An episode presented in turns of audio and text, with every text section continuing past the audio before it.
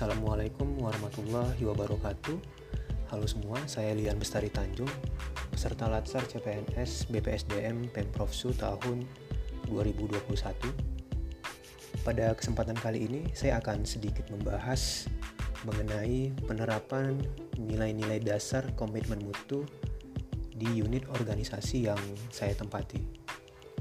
Tapi sebelum itu, mari terlebih dahulu kita pahami apa itu komitmen mutu. Komitmen mutu merupakan pemahaman konsep mengenai efektivitas, efisiensi, inovasi, dan mutu penyelenggaraan pemerintah.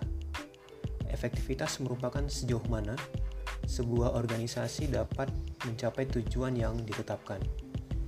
Sementara itu, efisien merupakan jumlah sumber daya yang digunakan untuk mencapai tujuan organisasi efisien ditentukan oleh berapa banyak bahan baku, biaya, dan tenaga yang dibutuhkan untuk mencapai sebuah tujuan.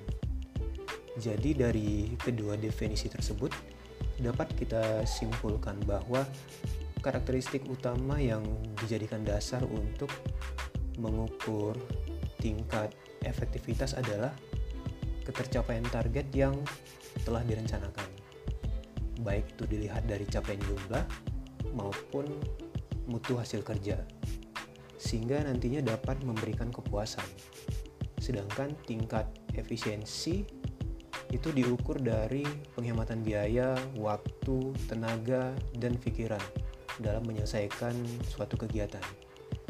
Sementara inovasi muncul karena adanya dorongan kebutuhan organisasi atau perusahaan untuk beradaptasi dengan tuntunan perubahan yang terjadi di sekitarnya.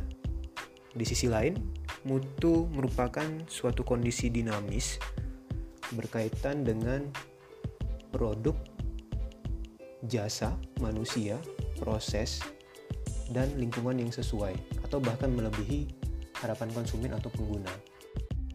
Salah satu konsep komitmen mutu adalah inovasi di unit organisasi saya sudah menerapkan aplikasi absensi berbasis online yang terintegrasi dengan sistem aplikasi pegawaian.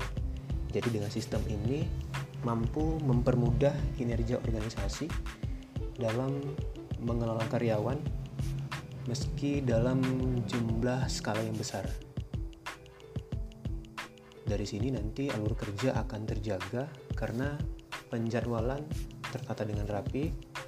Begitupun dengan sisi administrasinya, yang selanjutnya dapat dimanfaatkan sebagai bahan penilaian kinerja untuk menentukan besaran gaji yang diterima pegawai. Selain itu juga di unit organisasi saya, setiap tindakan pelayanan sudah diatur dengan jelas dan baik dalam sebuah SOP jadi dengan SOP mampu menjadikan arus kerja yang lebih baik, bisa menjadi panduan untuk karyawan baru, memudahkan dalam pengawasan, serta mengakibatkan koordinasi yang baik antara bagian-bagian yang berkaitan dalam suatu organisasi. Sekian dari saya, terima kasih.